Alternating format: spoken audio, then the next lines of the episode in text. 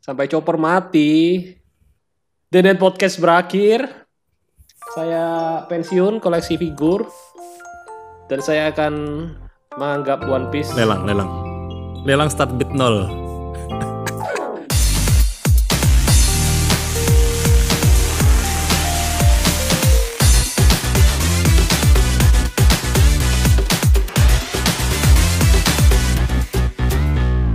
Halo semuanya, selamat datang lagi di Deden Podcast. Podcast yang membahas segala sesuatu mengenai anime ataupun manga One Piece. Masih bersama saya, Hendy Jul. Dan di sini ada saya Hans. Ya, dan di episode kali ini kita akan diskusi membahas karakter yang mungkin bakal tewas di arc Wano. Nah, Tumben ini, bahas chapter terbaru. nah, ini bukan chapter terbaru sih. Eh, overall, overall. Keseluruhan. Kenapa kita membahas yang terbaru-terbaru? Karena trafficnya lebih tinggi. Ya, karena kalau yang lama-lama tidak ada yang dengar. Ada tapi lebih sedikit. Lihat statistik emang yang kita bahas Wano lebih tinggi ininya. Ya, ya nggak nggak selalu yang bahas Wano sih, bahas yang kayak prediksi, diskusi-diskusi gitu. Itu yang lebih tinggi. Jadi temanya hari ini adalah siapa yang Akan akan tewas. tewas di Wano. Ya, atau di akhir Wano mungkin, sekitar situlah. Sebelum mulai kita pengumuman dulu ya. Ya. Pengumuman dari aku ya pertama. Bahwa di Denden Podcast sekarang sudah ada Instagramnya. Nah, buat kalian yang pengen follow-follow, pengen komen, silakan di-follow. At Denden Podcast. Nah, langsung keluar pasti. Ya, sebenarnya sudah dari podcast kemarin ya. Ya. Episode kemarin udah keluar. Tapi Cuma belum menambah-nambah followernya. Berapa follower? Terakhir masih belasan. Oh lumayan, belasan. Itu aku satu, Terus ya itu gara-gara aku ngefollow ngefollow orang juga di itu. iya, aku udah berapa Fallback, fallback. pakai akun itu, pakai akun apa? akun jualan dan lain-lain. Ya. Terus Ya, pengumuman. segera di follow ya. Oh ya, ini pengumuman untuk episode ini ya. Ini mungkin kalau dari pendengar J-pop eh, ini mungkin tidak relevan atau tidak atau mengandung spoiler, boleh dilewati tidak apa-apa. Ini dikhususkan untuk yang sudah sampai arc terakhir dan mengerti tentang situasi di Wano ya. Atau yang pengen tahu juga nggak apa-apa. Yang penting yang anti spoiler ini sangat tidak disarankan. Ya. Oke, dari kamu mungkin ada pengumuman Nggak ada sih. yang kapan hari itu? yang kita sudah rekam di Apa itu? J-pop tapi di cut atau Oh, nanti aja itu, itu bukan dalam pengumuman tapi pembahasan pembahasan. Ya ntar kita masukkan itu aja tentang prediksimu nanti ya. oke oke. Terus ada satu lagi coy pengumuman tentang tamatnya Hmm. One Piece sudah tahu? Yang terbaru. Yang lima tahun. Nah itu kan itu kan dari interview toh. Nah setelah itu yang Mm-mm. komik jilid terbaru lupa 9 berapa itu yang baru kemarin-kemarin ini itu kan ada SBS-nya nah di situ ada pembaca yang tanya tentang itu sudah tahu belum infonya Hmm, kayaknya aku belum. Coba diingatkan lagi. ya jadi kan info-info tentang lima tahun tamat kan belum pernah muncul dari statement tulisan yang resmi dari SBS kayak gitu-gitu loh itu kan dari kayak interview gitu-gitu toh nah di SBS ini Ya. dikonfirmasi ada yang tanya aku nggak hafal persisnya tapi kurang lebih gini. Pertanyaannya itu dia tanya apakah benar One Piece akan tamat lima tahun lagi? Aku benar-benar sedih dan lain-lain. Seterusnya dan seterusnya. Nah terus langsung dijelaskan sama Oda. Ternyata lima tahun itu eh lima tahun itu bukan setelah lima tahun One Piece tamat, tapi setelah lima tahun kita akan tahu One Piece itu apa. Nah, jadi kayaknya nggak Oh. mungkin lima tahun tahu One Piece itu apa terus tamat. Jadi setelah tahu One Piece itu apa masih ada beberapa ini lagi. Mungkin beberapa tahun, satu atau dua tahun kali ya. Itu sih pengumumannya. Ya. Jadi dalam lima tahun itu One Piece akan diketahui. Walaupun ada beberapa yang sudah tahu mungkin saat ini One Piece itu apa. Tapi kan belum fix, belum secara resmi di komiknya. Oh ini loh, kan masih masih ini ya, terawang-terawang. Dan kita juga udah bikin podcastnya memprediksi One Piece itu apa. Kalian bisa cek podcast kita yang lama ya, sekalian promosi. Ya. Jadi nanti kalian coba kalau misalnya lima tahun lagi sudah di reveal apa itu One Piece, nah, nanti coba apakah prediksi kita benar gak? Yang Ya. sudah kita rekam lima tahun yang lalu di tahun 2020. Tahun-tahun yang suram. Dan tahun depan mungkin juga ini di episode ini bakal ini jadi prediksi ya, yang akan mati ini. Siapa yang akan mati di Arkuano? Kalau ini nggak usah nunggu lima tahun nanti. Ya, mungkin satu atau dua tahun lah paling lama. Ya. Oke, langsung aja ya kita mulai pembahasan kali ini.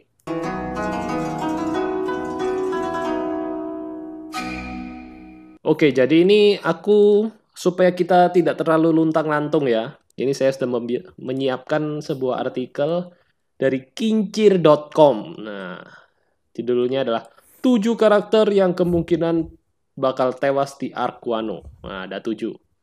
Kita langsung bahas ini aja ya, satu persatu ya, yang disebutkan siapa. Gimana? Oke, Ya. Langsung, yang pertama Kaido. Nah, Kaido ini kayaknya emang mungkin sih, karena kan dia big boss-nya dan ya kalah sih. Sewajarnya gitu ya. Gimana kalau menurutmu? ya kalau aku setuju sih. Maksudnya kemungkinan besar sih Kaido kan biasanya kan One Piece kan trennya kan kalau musuh dikalahkan ya sudah, tapi tidak sampai mati kan. Mm-mm. Tapi kalau dalam hal ini kelihatannya Kaido itu memang apa ya?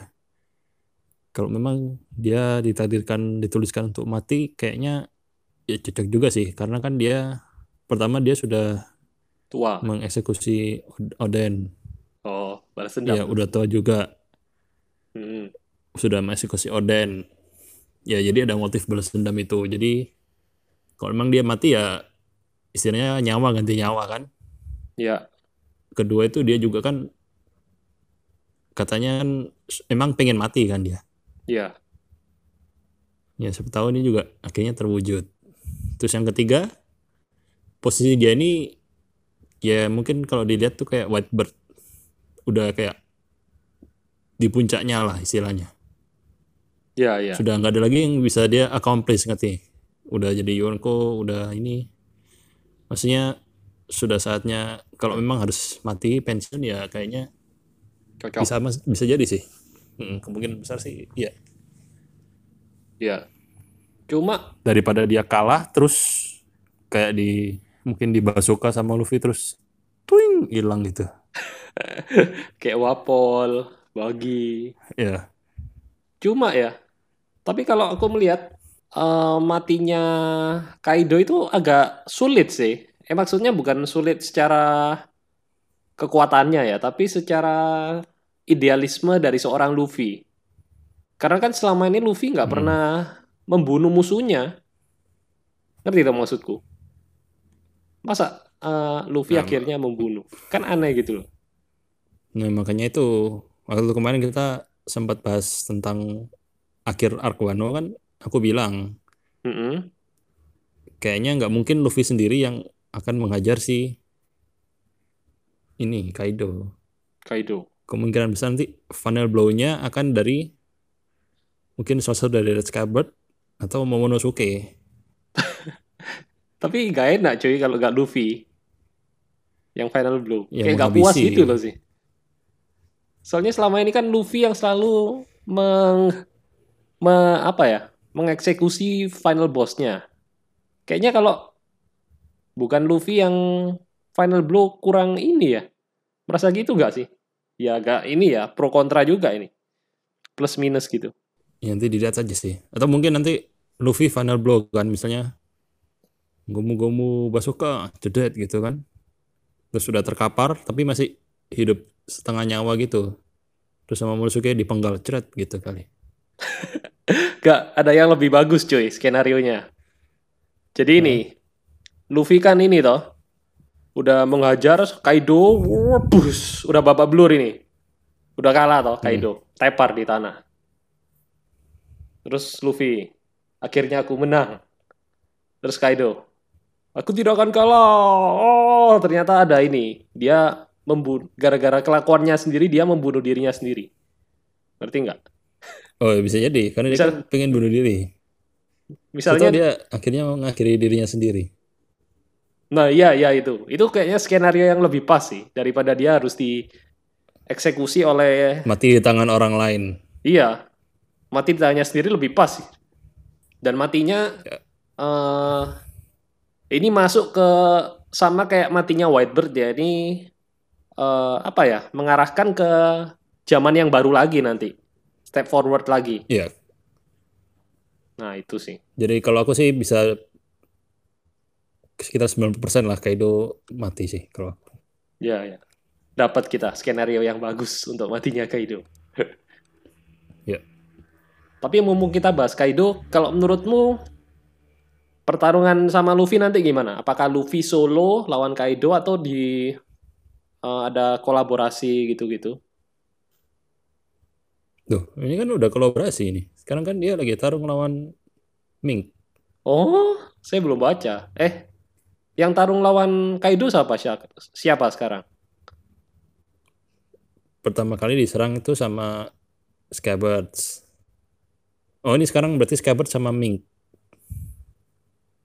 Keroyokan maksudnya. Oh, Mingnya tuh pokoknya kerucut-kerucutnya itu sama Ming yang lain, tapi karena di Scabbard kan ada Ming juga si dua orang itu. Ha-ha. Jadi dua orang itu sama teman-teman dari suku Ming itu, tapi kalau Ming yang kerucut-kerucut ngelawan anak buahnya.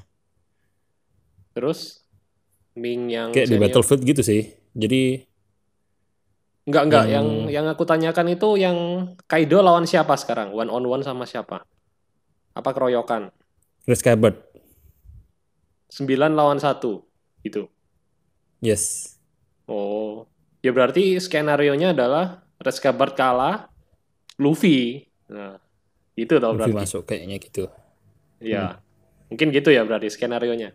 Berarti Tapi kayaknya enggak sih. Maksudnya terakhir sih udah baca belum yang terakhir? belum. Maksudnya di terakhir tuh kayak mereka itu kayak bertekad pokoknya sampai titik darah penghabisan sebelum Kaido meninggal mereka nggak akan berhenti katanya gitu. Antara Oh. mereka atau Kaido yang mati gitu katanya. Ya pasti skenario-nya sih kalau ideal ya Red Scabbard ini wes udah ini sekarat semua. Luffy yang ngambil alih. Mati Harusnya lah, gitu berarti. sih. Idealnya. Mati harusnya. Siapa yang mati? Maksudnya mereka udah bilang kayak gitu mempertaruhkan nyawa maksudnya.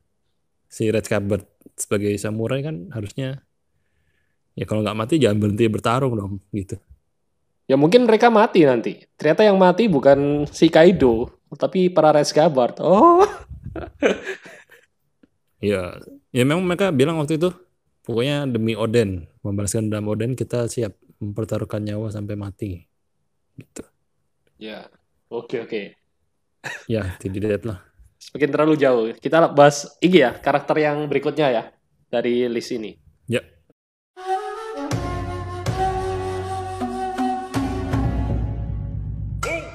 Oke, karakter yang berikutnya ini sepertinya bakal cukup kontroversial.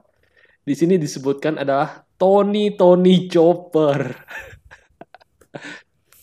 ini sudah sering rumornya ini muncul di forum-forum, di grup membahas ini. Ada editor Oda, mantan editor yang membocorkan ini siapa yang akan mati nanti. Disebutkan Chopper. Gimana pendapat Anda? Hmm. Ya bisa jadi ya. Oh, Apalagi kalau si Carrot mau masuk kan nanti tempatnya Chopper kan double nanti malahan. Mungkin satu harus dihilangkan baru Carrot bisa masuk. tapi Garrett bukan dokter. Oh, ada ini teori lagi. Chopper mati digantikan oleh Marco. Bisa jadi. Sampai Chopper mati, Saya berhenti ngefans One Piece. Tapi itu kemungkinan kecil sih. Kayaknya itu kan mungkin editor yang usil suka ini sih. Mungkin kan dia sebel sama orang-orang yang suka sotoy-sotoy berteori-teori. Nih, tak kasih teori. Tony Tony Chopper mampus. Atau mungkin itu Pusing bukan kawan? Waduh. bukan editor, orang ngaku-ngaku aja nulis di internet. Biar Nah, rame. Sotoy sok ngaku lagi. Eh, chopper mati, chopper mati. Tapi nggak ada ininya lagi kan? Cuma sebut namanya nggak ada backgroundnya atau apa kan? Ceritanya gimana nggak ada? Oh, artikelnya. Artikelnya ada penjelasannya. Iya. Apa penjelasannya? Berbeda dengan Zoro yang jadi salah satu karakter terkuat di kapal Tobi Jerami, Chopper adalah sosok yang imut dan periang.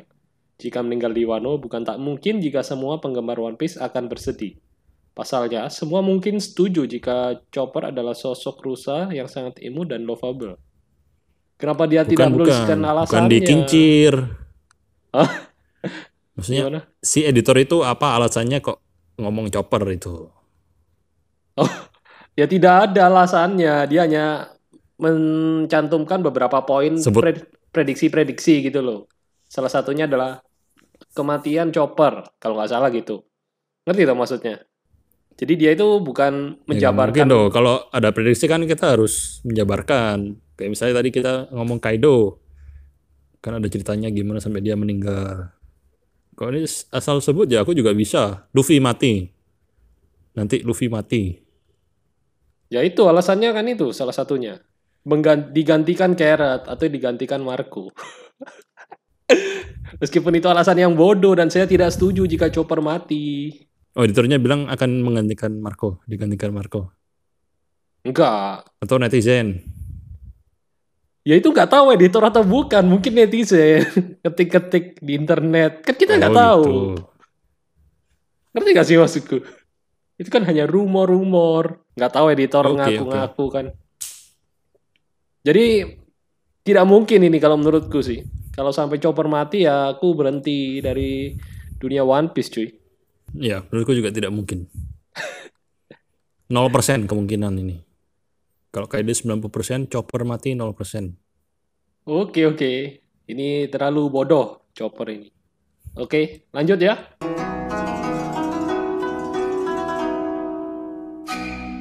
Oke, lanjut ke karakter yang ketiga di sini adalah Trafalgar Law. Nah, ini penjelasannya cukup keren. Karena kekuatan OP-OP Nomi. Tahu nggak? Kekuatan OP-OP Hmm. Nomi kan ada satu eh, yang dia mengorbankan diri dirinya sendiri untuk mendapatkan hidup abadi. Pernah tahu? Ya. Kan itu OP-OP Nomi juga sempat dipingini toh sama si Dofla. Nah, makanya dia melihara Lau dijadikan anak buahnya waktu itu kan supaya tujuannya itu itu dia bisa mendapatkan hidup abadi. Nah, mungkin skenario-nya kalau emang Lau mati ya itu dia berkorban mengorbankan dirinya untuk mungkin Luffy. Masuk akal ya? Entah, entah mungkin Luffy atau siapa, tapi ada sosok yang dia berkorban untuk sosok itu. Iya, soalnya kalau melihat eh, perannya Lau apa ya, bukan perannya, apa istilahnya kayak tujuannya kayaknya sudah tercapai ya. Tujuannya kan untuk membalaskan dendam Corazon. Hmm. Terus apa lagi ya tujuannya? Tapi kalau Ya, tapi kalau dia dengan Luffy sih aku merasa apa ya? nggak ada hubungan yang terlalu dekat sih sampai dia mengorbankan nyawanya untuk Luffy sih. kurang ini ya. Kalau aku melihatnya ya iya. Apanya istilahnya? Bondingnya kurang bondingnya. Hmm, hmm, hmm. Emang kalau yang bonding untuk ke Lau siapa? Beppo. Beppo. Lau mengorbankan diri untuk ya? Beppo. Coba misalnya kalau skenario-nya antara Beppo atau Luffy sekarat, tapi dia cuma bisa menyelamatkan satu. Kira-kira Lau menyelamatkan yang mana? Beppo lah. Sohib dari kecil Hmm. dah. Iya itu. Nah, tapi kan kalau skenario Harus ada brotherly bond seperti Luffy, eh Sabo, ah itu baru. cuman ini ya, kalau si Lau ini nggak pernah melihat Luffy ini sebagai raja bajak laut masa depan ya. Kayak misalnya kan eh, Jinbei. Nah, Jinbei ini kayak apa ya istilahnya ber Ya per- benar-benar kayak percaya gitu loh Luffy. kalau dan support sama Luffy kalau dia bakal jadi raja bajak laut misalnya Mm-mm. gitu tapi kalau Kalau Lau Lau inilah oportunis saja dia. Karena Luffy memang lagi dibutuhkan ya dia ngikut. Tapi kalau lagi enggak ya dia jalan sendiri kan. ya juga sih iya ya jadi untuk mengorbankan diri demi Luffy kayaknya kurang ini ya kurang masuk gitu ya Iya, kurang kurang masuk. Tapi ya mungkin ada sosok lain sih yang dia mungkin berkorban sehingga dia mati.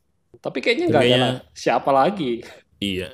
paling cocok ya tokoh ini utama mungkin sekitar kejadiannya mungkin ini probabilitasnya mungkin 10 sampai 20 persen lah. 10 persen lah. Eh, ya di bawah 10% sih menurutku Iya. ya oke lanjut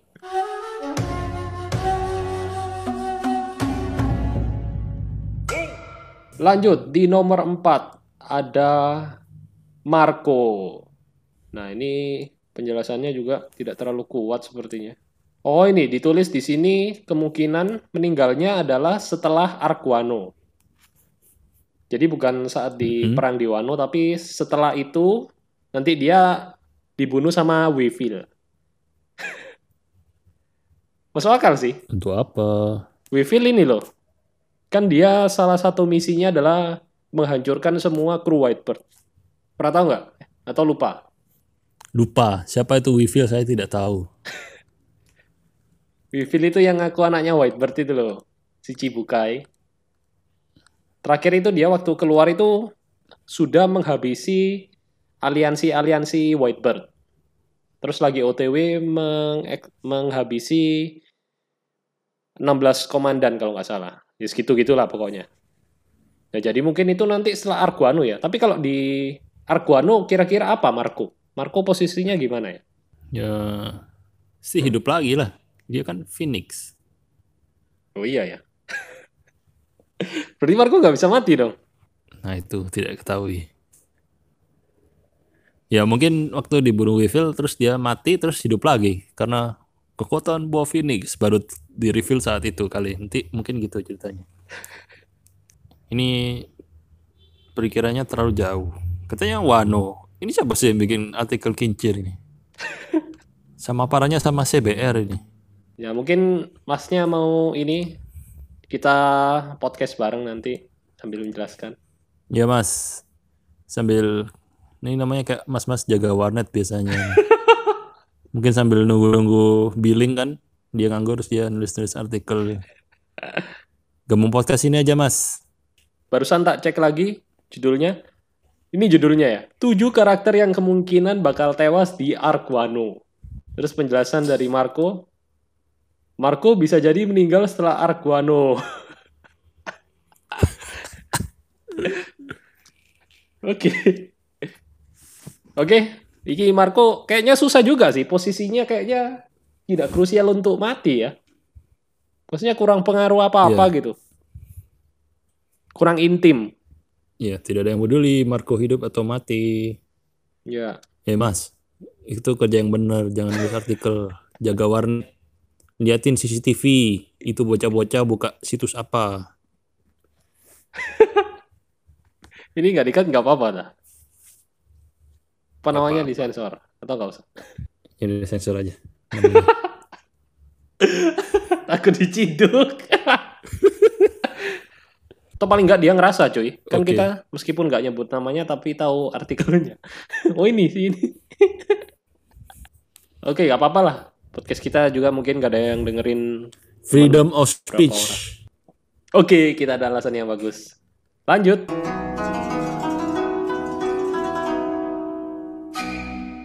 Yang kelima. Wah, ini kelima ini langsung dua orang sekaligus.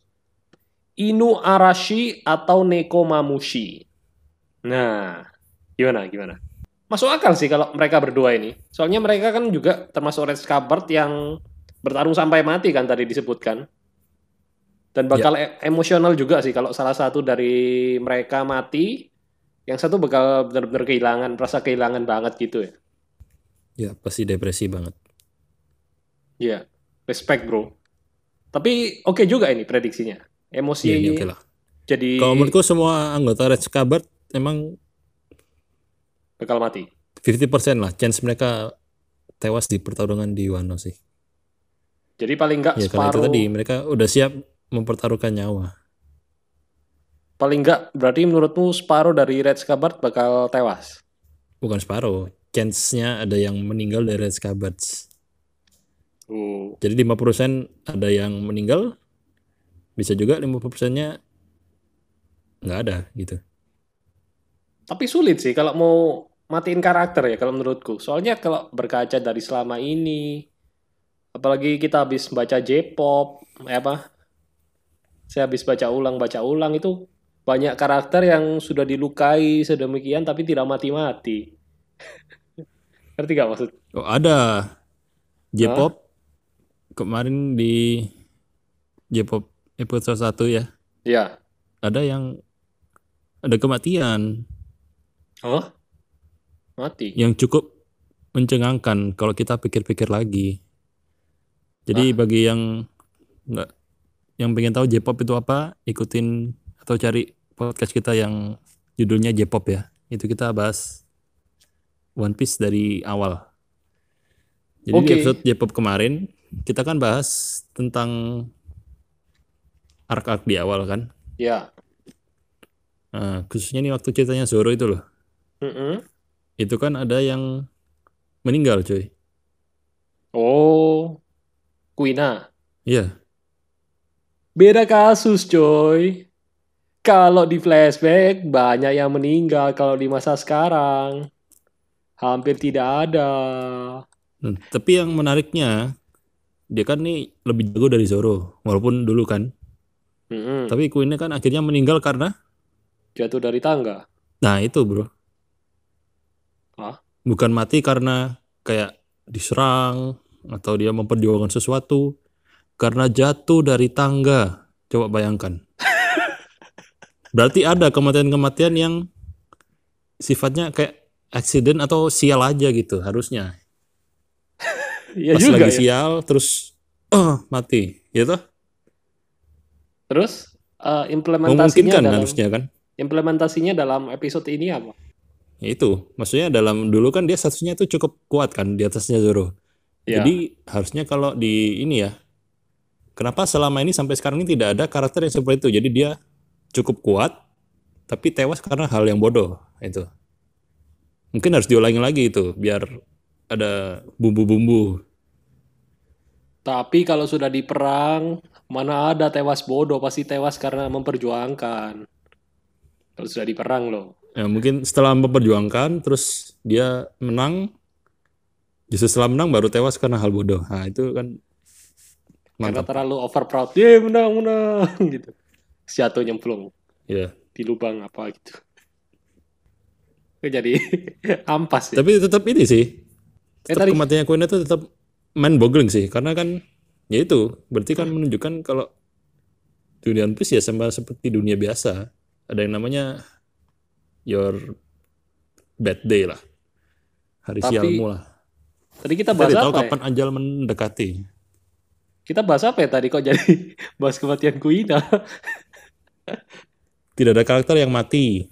Oh, di masa. Tapi kematian Kuina ini berarti buat Zoro, cuy. Maksudnya, meskipun dia nggak memperjuangkan sesuatu, tapi dari kematiannya itu dia memacu salah satu motivasi Zoro, yang bahkan sampai sekarang masih dibawa itu pedangnya. Hmm. Jadi nggak sekedar, ya emang matinya nggak ada memperjuangkan sesuatu, tapi kematiannya itu membawa efek. Iya kan? Tapi aku itu sih, maksudnya sedikit apa ya, kayak tergelitik dengan meninggal gara-gara jatuh dari tangga itu sih. Kalau awalnya memang tidak biasa apa, tidak ada yang aneh, tapi setelah baca One Piece sampai akhir baru saya sadar itu aneh memang jatuh dari tangga mati. Ya kan? Ya, oke. Ya. Tapi nih, tadi kamu bilang kan kalau Kuina meninggal, eh Mm-mm. karena Kuina meninggal si Zoro jadi ada motivasi. Ya. Nah, gimana kalau misalnya Kuina tidak meninggal? Oh. What if? Gimana? Mau dibahas? Nanti kita bikin segmen baru ya. Oke, oke. Nanti berikut-berikutnya. Oke, nan- nantikan. Follow dan subscribe. Tapi what if itu udah ada cuy, yang di kemarin aku share itu di YouTube di apa. Ya kan belum ada bahasa Indonesia. Kita bikin bagaimana jika. Nah, BJ, Oke. BJ.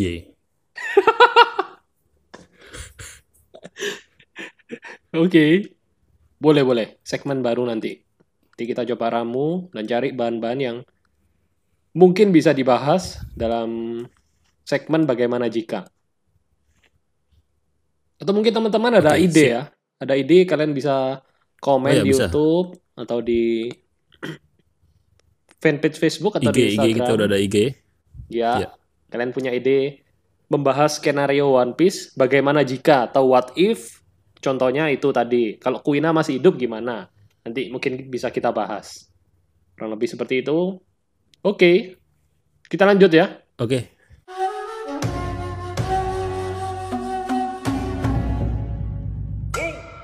Tadi terakhir Ya. kita sampai di Inuarashi dan Nekomamushi. Ini yang keenam. Nah, ini satu sebelum terakhir. Ini Gecko Moria. Lagi-lagi. di luar Wano, kabarnya Gecko Moria tengah berkonfrontasi dengan Blackbird. Nah, jadi ini ceritanya di luar Wano. Oh, tapi bisa jadi. Di luar Wano, tapi saat momennya saat yang sama dengan perang Wano. Ngerti nggak maksudku? Ya, di rentang waktu yang sama. Tapi kalau Jalan Gecko berbarengan. Gecko Moria emang 90% sih mati. no debat nih. Loh, tapi misalnya kalau Gecko Moria mati, kemungkinan besar kan jet apa? Buah iblisnya diambil sama ini dong. Blackbird. Ya. Iya. Ya bisa aja. Jadi udah dapat tiga dong. Ya enggak, kan nggak harus Stitch. Kayak misalnya itu buah si Absalom. Oh iya iya. Diambil Absalom sama kan anak buahnya. diambil ke si Ryu, dimasukkan ke si Ryu. Buah hilang-hilang. Hmm. Ya itu. Ini mungkin nanti siapa gitu yang lain. Kalau Blackbird bisa punya jurus menghidupkan orang mati. Jadi seperti anime sebelah. Anime apa ya? Anime Naruto kan banyak yang komplain. Hokage Hokage yang lama Oh, dihidupkan tapi lagi. kan ini kan hidupnya kan dalam bentuk zombie, Loh, emang yang itu bukan Naruto? bukan zombie kan? Oh ya? Aku nggak ngikutin Naruto sih, cuma denger-denger aja. Bukan ya? Atau kamu Aku cuma nggak tahu, sotoy-sotoy aja. Kita sudah menjudge anime lain. Tapi kalau menurutmu kekuatan Gecko Moria terus menghidupkan orang-orang mati lagi sebagai zombie aneh nggak? Menurutku ya bakal aneh sih. Ya dia berarti kan harus ada medianya kan, fisiknya apa baru dia masukin Ya itu. bayangannya. kayak Whitebird, Ace. Kan aneh gitu cuy. Masa melawan Whitebird versi zombie. Awkward. Tapi aku nggak tahu ininya sih, sistem kerjanya gimana. Bayangannya tuh harus diambil saat dia masih hidup atau kalau udah mati bisa diambil lagi nggak? Enggak, bayangan itu dia ambil dari orang yang hidup. Dimasukkan ke Berarti harus mayat. masih hidup kan? Dimasukkan ke Orangnya jenazah. ma- harus masih hidup kan? Orang yang diambil bayangan harus masih hidup. Ya. Tapi tubuhnya pakai tubuh Berarti orang mati. Iya, berarti kalau sekarang kasusnya S sudah meninggal kan dia nggak bisa ambil lagi bayangannya. Tapi dia bisa ambil jenazahnya. Jadi Ace hidup, tapi isinya bukan Ace. Ngerti nggak? Oh jenazahnya. Kan Ya, Ryuma. jenisnya bisa sih. Ryuma kan Cuma pasti udah ini udah beda lah. Penampakannya nggak kayak S dulu. Zombie Ya. S gitu lah. zombie Ace. Ya, ya, ya. Masuk akal, masuk akal.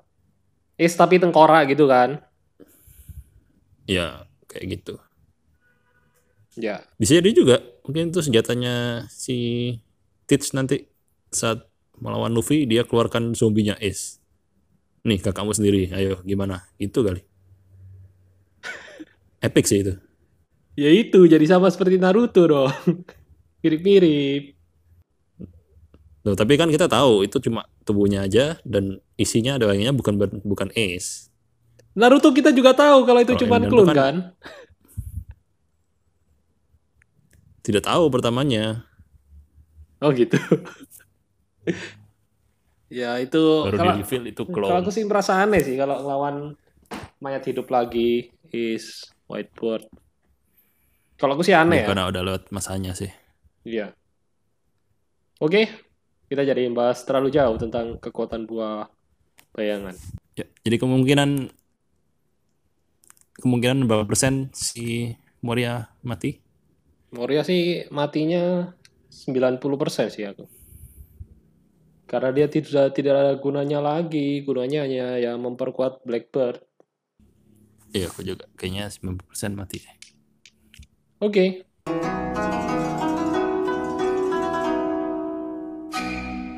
Lanjut. Nah, ini ini yang terakhir dan sepertinya masuk dengan teorimu yang tadi. Eh, gak masuk ya.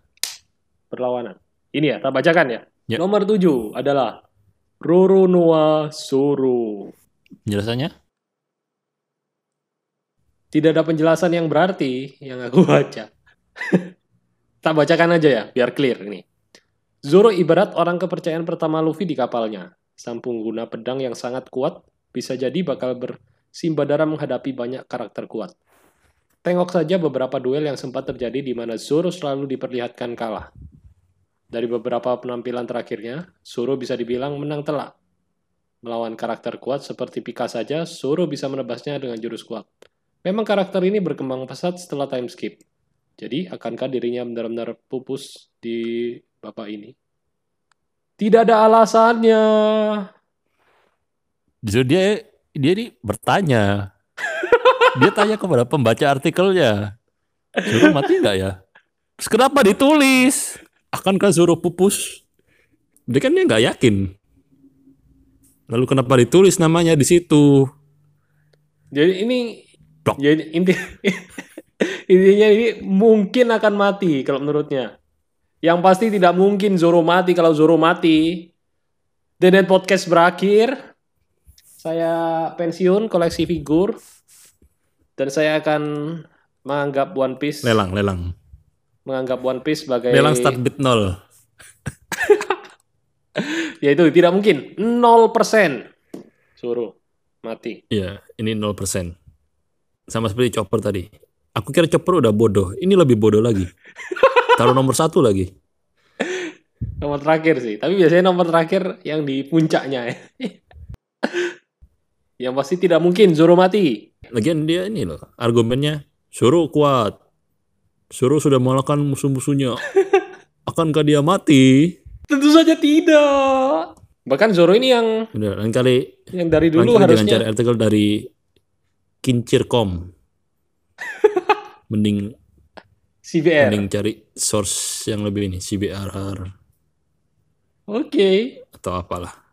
Mungkin ini. Ini Oh, pas tapi kalau tentang Zoro, aku ada ini, teorimu, teorimu. teori yang lain. Kru ke 10. Wah, tetap 10 kru ya. Ya, tetap 10 kru. Silakan, silakan.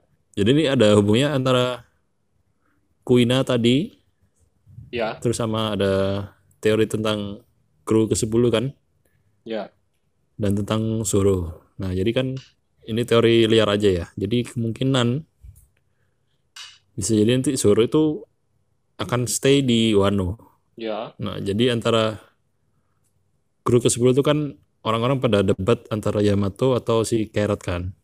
Tapi kalau dua-dua masuk kan jadinya krunya 11 orang. Padahal kan waktu di awal di Romance Dawn ya, itu kan Luffy udah bilang, aku pengen punya kru 10 orang. Nah, kalau si Carrot sama Yamato, berarti kan harus milih salah satu kan. Ya. Tapi kalau misalnya ternyata yang masuk dua-dua, Carrot sama Yamato, ma- Yamato masuk, berarti kan harus ada yang keluar. Nah, Itu saatnya Zoro mati ya.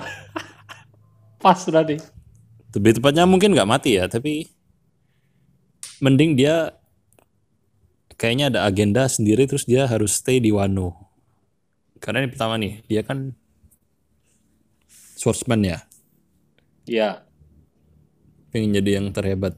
Ya di mana lagi kalau mau mempertajam ilmu kalau nggak di negeri samurai kan di Wano. Dan juga katanya kan ini bapaknya kan bapaknya Queen kan ada hubungan sama Wano kan. Iya, Teorinya iya. sih. Satu klan. Mm. Jadi bisa jadi juga mungkin dia nanti mungkin ketemu bapaknya di Wano. terus bapaknya ada cerita apa terus kamu harus di sini gitu kali atau ada apalah Tapi jadi di- Zoro-nya tinggal tidak lagi sama Luffy terus Kaido sama Yamato masuk jadi krunya pas 10 jadi sekarang One Piece eh Mugiwara tanpa Zoro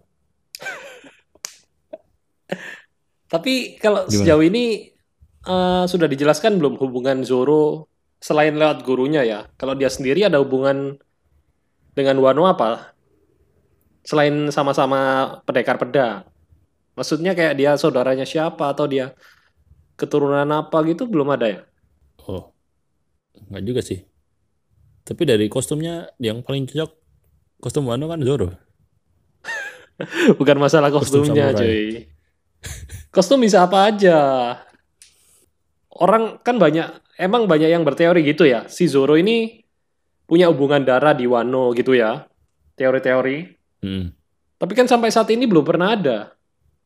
Ya. Selain belum Guru- terbukti selain gurunya yang itu logo ini ya, logo pedangnya ya kalau nggak salah. Cuman nggak tahu itu kayaknya rumor juga ya. logo ininya dojonya dojo Iya, itu kayaknya rumor juga ya. ya belum dikonfirm juga sih Nah, aku takutnya ini kan sudah perang Wano juga. Dan kalau misalnya dia mau Oda mau nambahkan bumbu tentang hubungan Zoro dengan Wano, harusnya di awal. Kalau kayaknya perang terakhir ini udah nggak mungkin ada lagi sih. Jadi bukan ya udah nggak ada hubungan lagi antara Zoro dan Wano. oh mungkin gini ntar mungkin setelah pertarungan itu bener kan Red Cabot mungkin mati semua kan Ya, baru nanti Luffy yang masuk menggantikan mengajar Kaido ya misalnya. jadi kan si Momo kan setelah Kaido kalah kan Momo harus naik jadi kaisar kan Ya, Nah, tapi dia udah nggak ada mentor. Siapa yang mau ngajari dia bertarung? Kayaknya suruh step up to the plate. Aku aja, gitu. nggak mungkin Siapa lah. tahu. Tidak mungkin. Zoro sudah punya misi, yaitu menjadi pendekar pedang terhebat dan membawa Luffy menjadi raja bajak laut. Itu sudah ditis sih dari awal. Kalau Zoro itu bahkan dia rela menundukkan dirinya kepada Mihawk. Tahu alasannya kenapa? Karena untuk menjadi pendekar pedang terhebat dan membawa Luffy menjadi raja bajak laut. Fix, no debat. Oh ya, karena nanti mungkin ceritanya gini, si Luffy nanti sudah aku aja, aku yang mengajari Momonosuke. Jadi Luffy-nya yang mau stay. Tapi tuh suruh mikir, loh kalau kamu di sini nanti kamu nggak bisa jadi bajak laut, aku aja gitu kali. Kenapa Luffy mau stay di Wano? Luffy itu ingin bebas, berpetualang ke tempat baru lagi, menemukan One Piece dan menjadi raja bajak laut. Aduh, Wah, namanya kan teori, teori. Freedom of speech, freedom of speech. oke. Ya, namanya freedom of speech ya. Jadi sebodoh apa pun teorinya ya kita dengarkan lah. Belum tentu kita setuju, tapi kan justru kadang-kadang kan kayak gini-gini kan menarik. Seperti tadi artikelnya sangat menghibur. Terima kasih. Terima kasih. Kita jadi ada bahan untuk podcast ini. Mantap. Mantap. Terima kasih Kincir. Oke, jadi itu dia podcast kali ini. Tujuh karakter yang kemungkinan bakal mati di Arguano. Sekian untuk podcast kali ini. Jangan lupa Yap. untuk share, sebarkan. Dan nantikan ya, di minggu depan kita akan lanjut J-Pop episode 2. Yang bakal lebih seru lagi. Kita masuk ke Barati, Arlong Park, dan Lockdown. Dan saya Hendy Jul. Saya Hans. Dan sampai ketemu di Denden Podcast berikutnya. Dadah. Dadah.